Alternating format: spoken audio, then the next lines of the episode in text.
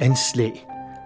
Det vil sige at slå en tone an, at antyde en stemning, at sige sin mening, sådan som forfatteren og journalisten Jacques Berg nu sidder parat til i sit landsbyhus i Provences Løberonbjerge med uddrag af sine daglige notater fra perioden 2017 til 2019.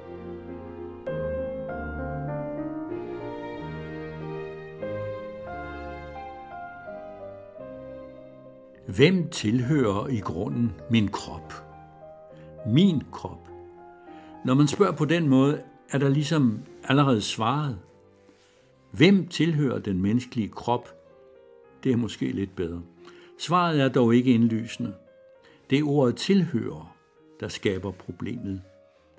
Nå, det begynder godt det her. For aborttilhængere hersker der ingen tvivl. Kvindens krop tilhører den kvinde, der har den, ingen anden. Det står hende frit for at bruge den, som hun vil, således kan hun også beslutte at afbryde det barns vækst, som hun bærer på. At det ville have fået sin egen krop, en der ikke var hendes, men en helt anden, spiller ingen rolle. Modstanderne af abort bliver flere og flere, og ikke alene i Alabama. For dem er spørgsmålet slet ikke, hvem kroppen her kvindens tilhører. Den er der vor herres, om ikke mandens. Hvad angår fostret eller fosteranlægget, skal det efter deres mening betragtes som et menneskeligt væsen fra dets allerførste hjerteslag. At fjerne det bliver en forbrydelse, et mor. Abortion kills children. Hvem ejer så vores krop? Ingen eller alle? Selv tror jeg, at hverken kvinders og mænds kroppe tilhører nogen overhovedet. Min krop tilhører ikke mig, ikke mere end himmelvælvet eller en omstrejfende hunds bjæften i natten. Måske kan man sige, at kroppen tilhører sig selv, som Pete Heins kat er den sin egen. Det kan jeg godt skrive under på, så meget mere som det strengt taget er uden mening. Jeg ville foretrække at høre kvinden sige, at hun ikke vil eller kan tage sig af et barn, at de er de grunde gode eller dårlige, eller at hun ikke ønsker at nedkomme med frugten af en voldtægt, af incest eller et tilfældigt møde, at hun er syg, at hun ikke har nogen moderfølelse, og at man forresten kan regne hende noget så inderligt. Alt dette ville blot udtrykke hendes ret til at være et frit menneske. Spørgsmålet om, hvem kroppen tilhører, må anses for at være dårligt stillet eller direkte vildledende. Det kan kun øge forvirringen. Efterhånden som tiden går, kan jeg godt anerkende retten til at abortere, naturligt og ni måneder efter befrugtningen.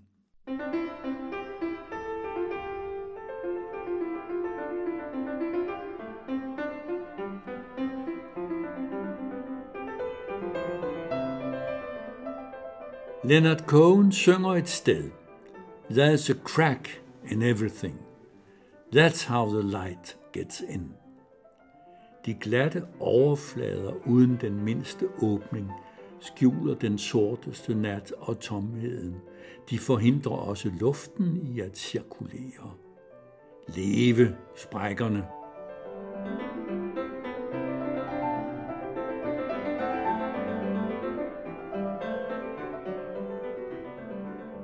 Det illiberale demokrati findes.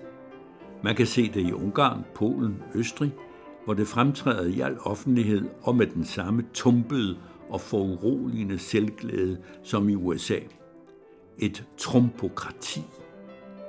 Derved får demokratiet uden adjektiv et gammeldags skær over sig, og det begynder nu at kalde sig liberalt.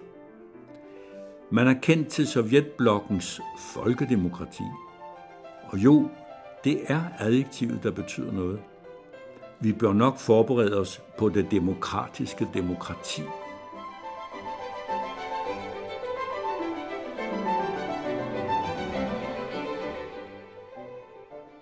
Baron Nikolaj Vladimirovich Stahl von Holstein, født i St. Petersborg i 1913, bedre kendt som Nicolas de Stahl, fransk maler, tilbragte engang et år i Provence. 1953-54, hvor han boede i Lyberon-området, nærmere betegnet i Lille sur la Sorgue, Lagne og Mirandol i departementet Vaucluse. Som så mange andre malere kom han for at fange Provences lys med spidsen af sine pensler. Når man går rundt og ser på de godt 250 lærreder, han malede under sit korte ophold, og som lige nu vises på Del de i Aix-en-Provence, må man konstatere, at de Stal ikke fangede lige det lys. Han fandt derimod sit eget lys. Hans billeder rummer hverken lyset eller farverne i Provence, ej heller vinden, der former huse, planter og stedets ansigter. Hans farver er meget smukke, en tødel metalliske, udstrålende, men andet steds fra. Helheden forekommer ret statisk, hvad der virker overraskende, når emnet er en provins i Frankrig, hvor et voldsomt klima skaber evig bevægelse. Men er så Nicolas de Stahl en dårlig maler? Det aner jeg ikke. Mine kundskaber ud i malerkunsten forbyder mig at afgøre det.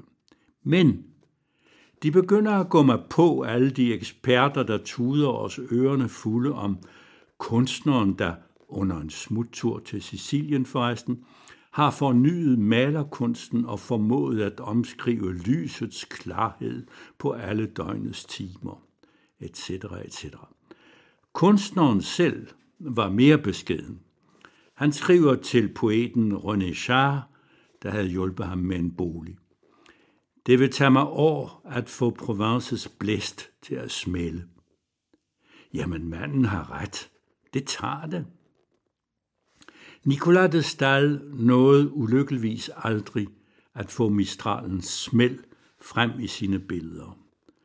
Som hans datter Anna beundrende og noget mismodigt udtaler i en kort film på udstillingen. Han vidste at sætte punktum. Han begik som det vides selvmord i Antibes i 1955.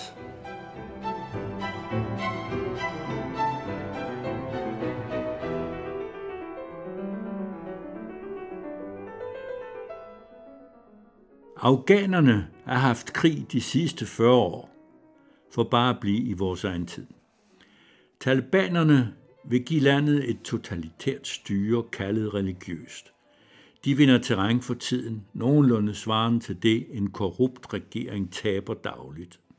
USA og deres allierede, der af strategiske grunde støtter landets officielle regering, er ved at trække sig ud af det afghanske kaos. Russerne har allerede forsøgt at få kontrol over Afghanistan. De listede ud i 1968 med halen mellem benene.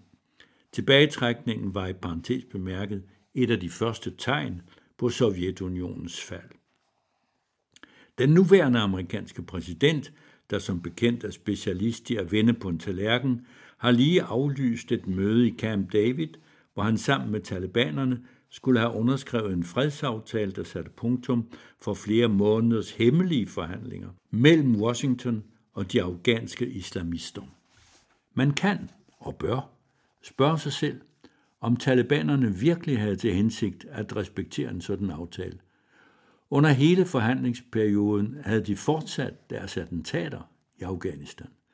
Situationen bliver mere og mere uoverskuelig i et land, hvor kommandant Massus søn nu erklærer sig reddet til at fortsætte sin fars aktivitet som leder af et islamisk nationalistparti. Massoud blev myrdet den 9. september 2001. Trump skal have besluttet at forlade Afghanistan, da en taliban en dag sagde til den amerikanske delegation, I har klokken, vi har tiden. Eftersom de til lige råder over bjerge af bjerge, foruden en ubegrænset vilje til at modsætte sig enhver indblanding udefra, vil viserne nok blive ved med at dreje rundt, og tiden med at måle evigheden.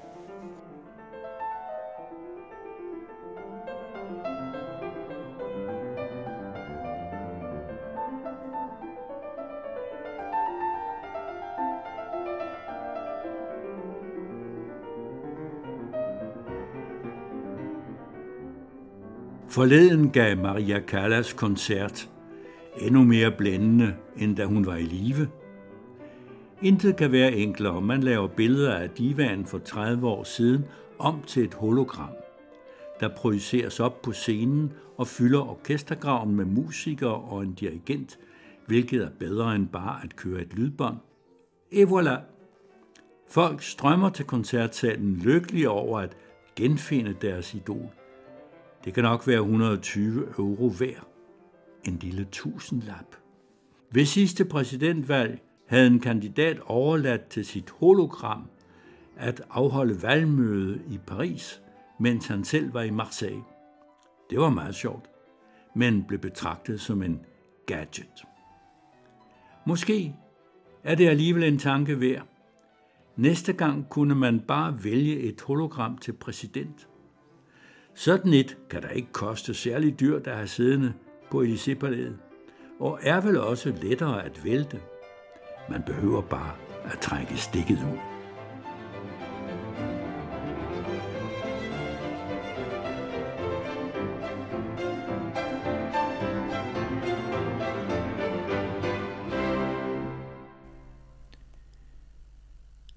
Det er Jesper Tang, der tilrettelægger anslag, og musikken var en fransk nyindspilning af tre af Bachs klaverkoncerter, spillet af David Frey, Jacques Rouvier, Emmanuel Christian og Audrey Vigoureux med strygeensemblet fra Capitol Orkestret i Toulouse.